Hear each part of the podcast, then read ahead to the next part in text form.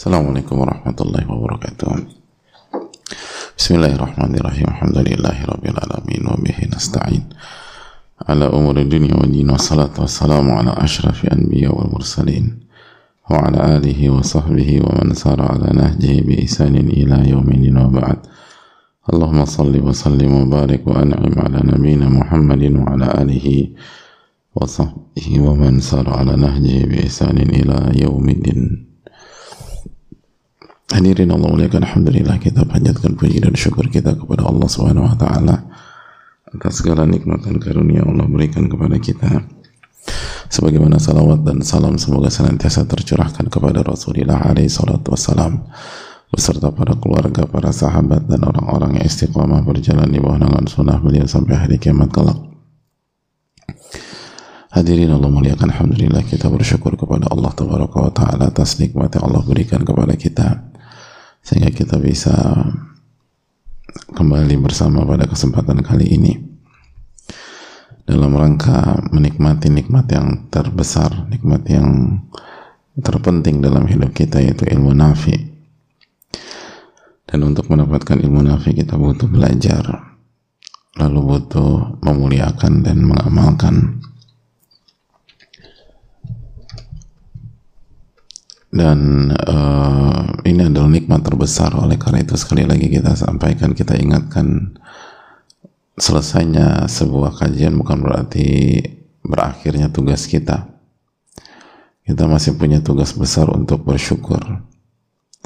Karena nikmat itu selalu dijodohkan dengan syukur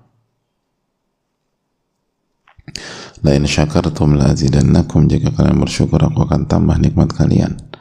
Walain kafartum inna azabi lasyadid dan kalau kalian kufur nikmat azabku sangat pedih. Maka ketika kita belajar, kita mengerti, kita memahami, lalu kita tidak bersyukur, maka apa yang kita pelajari dikhawatirkan hanya akan menjadi azab bagi kita. Nikmat yang kita dapatkan dikhawatirkan hanya menjadi azab bagi bagi kita. Maka sekali lagi inilah PR kita bersama bagaimana kita mensyukuri apa yang kita dapatkan dan bagaimana kita uh, terus uh, memahami konsep ini bagaimana kita bersyukur kepada Allah Subhanahu wa taala lalu bersyukur kepada manusia yang telah memberikan kita nikmat tersebut atau menjadi sarana Allah memberikan nikmat itu kepada kita itu PR besar dan PR yang uh, perlu kita tanamkan.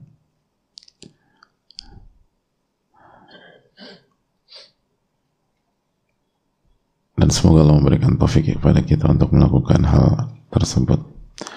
Dan tidak berpikir bahwa ini hanya sekedar memahami dan mengerti. Tapi ini tentang bersyukur. Allah Ta'ala alam uh, bisawab sebagaimana salawat dan salam semoga senantiasa tercurahkan kepada Rasulullah alaihi salatu wassalam. Beserta para keluarga, para sahabat dan orang-orang yang istiqomah berjalan di bawah sunnah beliau sampai hari kiamat kelak. Uh, hadirin Allah muliakan kita masih menuntaskan uh, bab ini. Dan kita sedang membahas kesimpulan dari bab bab yang satu ini dan pada pertemuan yang lalu kita telah menjelaskan bahwa pentingnya kesetiaan, keikhlasan dan membalas dengan baik kepada setiap pihak yang berhubungan dengan kita dan kita punya komitmen dengan dia. Namun secara khusus yang paling ditekankan ada tiga pihak dalam dalam bab ini. Yang pertama orang tua. Sebagaimana hadis Ibnu Umar orang tua. Orang tua harus disikapi dengan kesetiaan, dengan keikhlasan, dan membalas kebaikan, membalasnya dengan kebaikan. Lalu yang kedua adalah istri atau pasangan, sebagaimana hadits Khadijah. Jadi kita harus setia dan ikhlas ketika berinteraksi dengan istri, apalagi istri kepada suami. Jadi kedua belah pihak. Kalau suami harus uh, setia, ikhlas dan baik dengan istri, apalagi istri dengan suami. Itu sudah jelas. Oleh karena itu ketika kita ingin memiliki rumah tangga yang rumah tangga yang uh, penuh dengan kesetiaan, dengan loyalitas, dengan keikhlasan dan dengan kebaikan, maka pastikan pasangan kita bertakwa kepada Allah. Atau berusaha bertakwa kepada Allah. Dan memiliki ya, dan mengerti konsep. Mengerti konsep. Dan kita tahu dalam di masyarakat khususnya sering kali istri yang terzolimi. Istri yang dikhianati. Istri yang tidak disikapi dengan baik. Maka itu ini PR besar bagi wanita mulai dari sebelum menikah bagaimana ia jangan salah pilih jangan hanya terbuai dengan harta atau penampilan tapi pilihlah yang benar-benar bisa komitmen dengan dia, yang setia dengan dia, yang memuliakannya, yang penuh dengan keikhlasan, dan membalas dengan yang baik. Itu hal yang perlu disampaikan karena ini ditekankan di dalam bab ini. Lihat bagaimana Rasulullah SAW.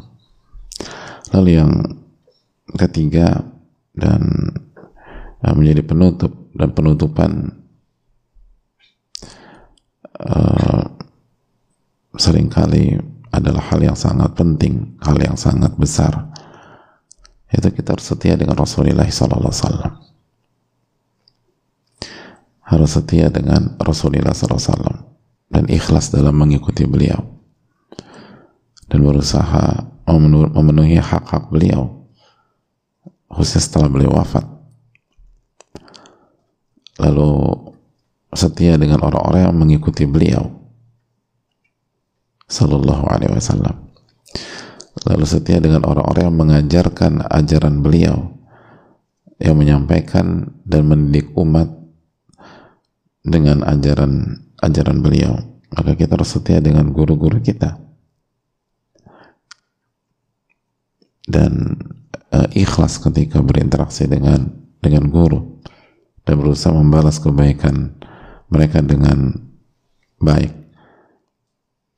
berusaha membalas kebaikan mereka karena telah mengajarkan kita mendidik mereka eh, mendidik kita menanamkan sunnah Rasulullah SAW dalam diri kita maka kita harus balas dengan baik. Dan kalau tidak maka kita tidak bersyukur. Karena mereka lah jembatan antara kita dengan sunnah Rasulullah SAW dan itu terlihat dalam hadis Jarir dan Anas bin Malik. Itu tentang kesetiaan. Lalu eh, pelajaran berikutnya dari bab ini. Ulama menjelaskan pentingnya keteladanan. Lihat bagaimana lima hadis dalam bab ini. Tiganya adalah keteladanan. Lihat bagaimana Ibnu Umar dalam bersikap baik dengan arah pedalaman. Karena ayah orang itu sahabat dengan Umar atau disayangi oleh Umar Lalu lihat bagaimana Nabi SAW dengan sahabat-sahabat Khadijah. Lalu lihat bagaimana Ansor dengan Rasulullah SAW dan Jarir dengan kaum Ansor, khususnya Anas bin Malik. Jadi lima hadis yang dibawakan oleh Imam Nawawi rahimahullah taala tiga tiga dari lima itu adalah tentang praktek langsung tentang keteladanan tentang keteladanan dan ini hal yang penting. Makanya hadirin Allah muliakan ketika kita ingin membangun kesetiaan di keluarga, mulailah dengan diri kita. Kita setia dulu. Ketika kita ingin membangun loyalitas dalam keluarga, maka mulai dengan diri kita. Oh, kita harus menjadi orang yang loyal di atas kesepakatan dan kebenaran. Kalau kita ingin membangun kesetiaan dengan apa dibalut dengan keikhlasan maka sekali lagi mulai dengan diri kita kalau kita ingin rumah tangga itu penuh dengan kesetiaan, keloyalan dan keikhlasan, maka bangun mulai dari dengan kita. Kita harus setia dulu. Mulai dengan diri kita. Jangan nuntut orang, sedangkan kita nggak jelas. Kalau mental kita nuntut orang, sedangkan kita jalan di tempat, itu nggak perlu belajar hadirin. Itu udah insting. Manusia itu hobinya tuh nuntut orang jadi fungsinya kita belajar adalah agar kita merubah pola tersebut. Dan kita mulai sesuatu dengan diri kita. Lihat bagaimana para sahabat begitu setia dan loyal dengan Nabi SAW. Kenapa? Karena Nabi SAW mencontohkan hal itu. Dan mereka melihat itu dalam kehidupan Rasulullah SAW. Lihat betapa loyalnya beliau dengan Khadijah. Makanya ini menarik. Walaupun Aisyah cemburu, dengan Khadijah. Tapi kecemburuan Aisyah itu nggak menghancurkan, nggak menghancurkan rumah tangga, nggak membuat, nggak memperkeruh, nggak membuat uh, kehilangan keseimbangan atau balancing dalam rumah tangga, nggak membuat atau nggak menghalangi kinerja Rasulullah SAW sebagai Nabi, sebagai Rasul, quote and quote karena ribet ngurusin istri. Enggak. Kenapa demikian? Karena ada hal yang jauh lebih besar dari kecemburuan kepada Khadijah. Dan hal yang jauh lebih besar itu adalah kesetiaan dan itu dilihat langsung oleh Aisyah radhiyallahu taala anha. Itu dilihat oleh Aisyah radhiyallahu taala anha dalam diri suami dan guru serta nabinya alaihi salatu wassalam itu bukan hanya dilihat dirasakan oleh Aisyah radhiyallahu taala anha bagaimana suami dan nabinya alaihi salatu wasallam itu begitu setia, begitu loyal, begitu ikhlas dengan istri. Jadi walaupun di satu sisi ada kecemburuan wanita, tapi di sisi lain dan ini jauh lebih besar, jauh lebih dalam, jauh lebih luas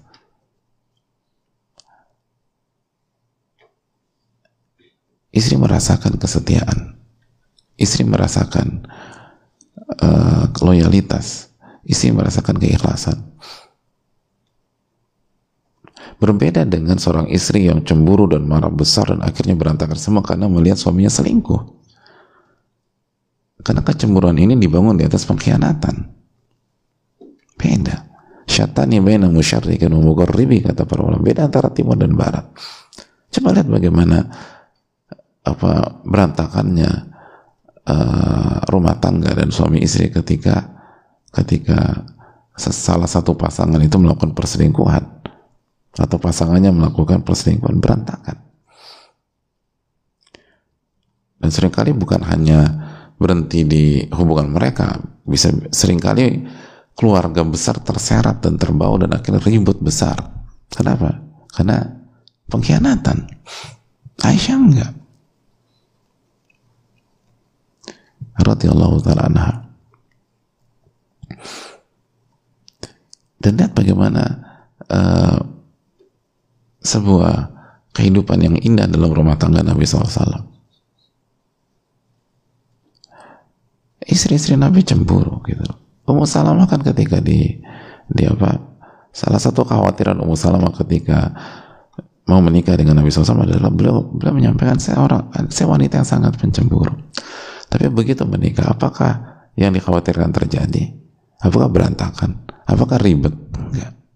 Kenapa demikian? Karena sekali lagi ada nilai yang jauh lebih dalam.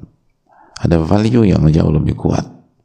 Yaitu kesetiaan, loyalitas, keikhlasan, kebaikan yang senantiasa selalu ditunjukkan oleh Rasulullah SAW yang selalu diperlihatkan di dalam rumah tangga dan keluarga beliau dan istri-istri beliau itu adalah orang-orang yang paling pertama melihat itu bagaimana mereka diperlakukan bagaimana mereka disikapi dengan baik bagaimana mereka uh, dijaga bagaimana mereka dimuliakan bagaimana akhirat mereka dipikirkan akhirat mereka diperjuangkan akhirat mereka dituntun oleh Rasulullah SAW mereka sebagai istri. Nabi SAW menjalankan ku anfusakum wa ahlikum naro jagalah diri kalian dan keluarga kalian dari siksa api neraka. Maka kita lihat betapa betapa solidnya rumah tangga beliau alaihi salatu wassalam.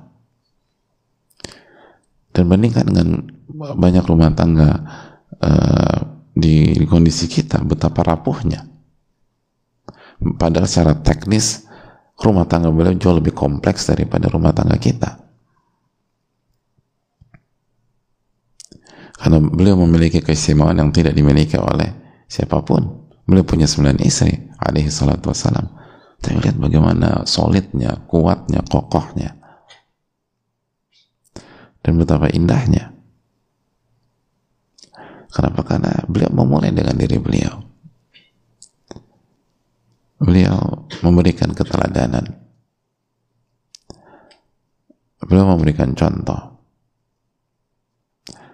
Dan keluarga beliau sebagai orang-orang terdekat istri beliau sebagai orang-orang yang paling tahu dengan beliau melihat merasakan dan menikmati menikmati kesetiaan itu kan keindahan Kesetiaan itu adalah kelezatan. Kesetiaan adalah nikmat.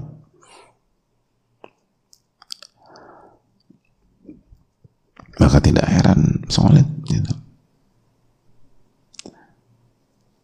Itu yang dilakukan Nabi SAW. Itu di dalam rumah. Di luar rumah beliau juga adalah sosok sosok yang sangat setia. Makanya bagaimana sahabat-sahabat beliau alaihissalatu sangat loyal dan sangat setia dengan beliau Kenapa demikian? Karena mereka belajar kesetiaan dari guru dan nabinya alaihi salatu wassalam.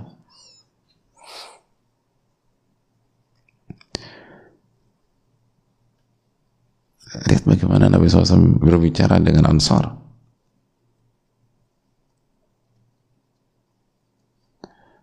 Beliau mengatakan dengan tegas apabila manusia berjalan di bawah atau di kaki bukit. Lalu Ansar berjalan dan memiliki jalan khusus di salah satu kaki, kaki bukit yang lain. La salaktu syi'bal ansar maka aku akan memilih jalannya kaum ansar. Kalau manusia pulang membawa harta maka ansar akan pulang membawa Rasulullah SAW wah itu gimana perasaan kaum ansar pada saat itu makanya mereka pada nangis pada saat itu mereka begitu jelas, begitu tajam, begitu apa clear pesannya. Itu. Ketika orang lain pulang membawa harta dunia, kalian akan pulang bersamaku. Itu luar biasa. Dan kesetiaan, ketulusan, keikhlasan. Gimana mereka tidak setia dengan Rasulullah SAW? Nabi SAW memikirkan mereka Nabi SAW hidupnya untuk menyelamatkan mereka, menyelamatkan umat dari kesengsaraan dunia dan siksa api neraka. Maka hadirin Allah muliakan apa yang kita, apa yang kita panen adalah apa yang kita tanam. Kalau kita ingin membangun kesetiaan, mulai dari skup yang paling kecil lah.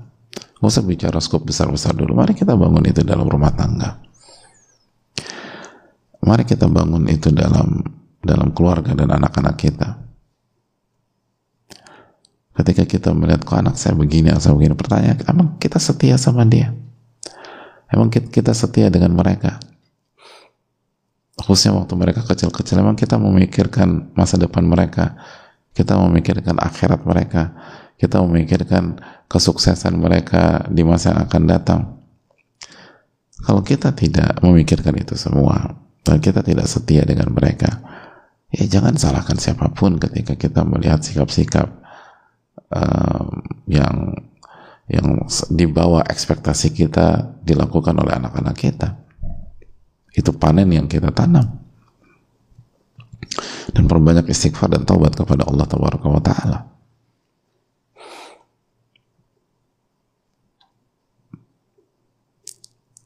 itu hal yang perlu kita renungkan terus sendiri apalagi bicara tentang kesetiaan kesetiaan kan nggak bisa dengan retorika nggak bisa dengan retorika semata Kesehatan harus dilihat, dirasakan. Apalagi sama orang-orang terdekat.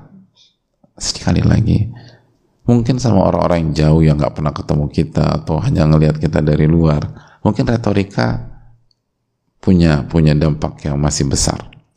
Tapi orang-orang terdekat, istri, anak-anak, enggak hadir. Mereka menunggu pembuktian real dari sikap kita ketika kita bicara. Dan begitu apa yang kita lakukan berbeda dengan apa yang kita ucapkan, maka raport kita langsung merah di mata mereka. Walaupun kita sangat dikagumi di luar. Walaupun banyak orang bisa mengidolakan kita. Begitu istri dan anak-anak kita ngelihat ngomongnya ke kanan tapi sikapnya ke kiri begitu istri dan anak-anak kita melihat ngomongnya lurus tapi sikapnya belok-belok itu jatuh hadir dan itu tidak ada dalam diri Rasulullah SAW makanya Aisyah radhiyallahu taala anha Sekali lagi, walaupun cemburu berat dengan Khadijah, lihat. Justru dalam ucapan beliau, kita jadi mengerti bagaimana Khadijah dan mengagumi Khadijah. Sebagaimana kita mengagumi Aisyah radhiyallahu taala Karena itu tentang kesetiaan kan.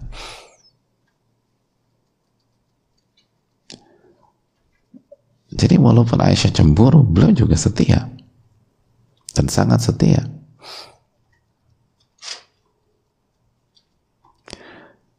Berbeda dengan kejadian di banyak masyarakat.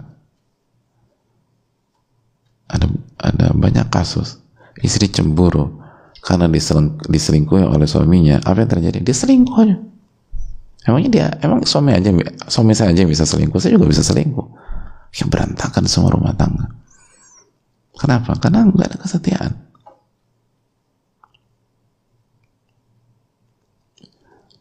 Oleh karena itu hadirin Allah muliakan. Beda, sangat beda. Dan ini menarik.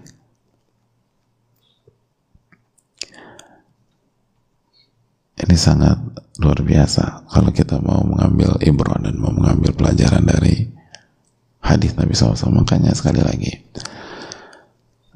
di sini pentingnya kitab ini, Riyadus Solihin, sangat keseharian dan yang di yang di difokuskan langsung kehidupan Rasulullah SAW. Gimana Nabi kita SAW? Ibu Menawi hanya memasukkan ayat hadis, ayat hadis, ayat hadis. Dan Allah memberikan kebaikan dalam kitab ini. Saya rasa cukup, semoga bermanfaat dan semoga Allah memberikan taufik kepada kita. Wa. Assalamualaikum warahmatullahi wabarakatuh. Berbagi pangan dibalas hidangan surga. Siapa saja di antara orang mukmin yang memberi makan mukmin yang lapar, maka Allah Ta'ala akan memberinya makan dari buah-buahan surga. Hadis riwayat Tirmizi. Kerabat atau saudara terdekat kita ada yang membutuhkan pangan? Sahabat, jadikan ini kesempatan kita untuk meraih ridhonya dan mendapatkan balasan surga. Kita insya Allah juga bisa berbagi pangan ke saudara-saudara lainnya yang membutuhkan melalui program Sedekah Pangan. Insya Allah, dana yang terkumpul akan disalurkan dalam bentuk sembako dan makanan siap santap kepada saudara di Jabodetabek serta kota-kota lain.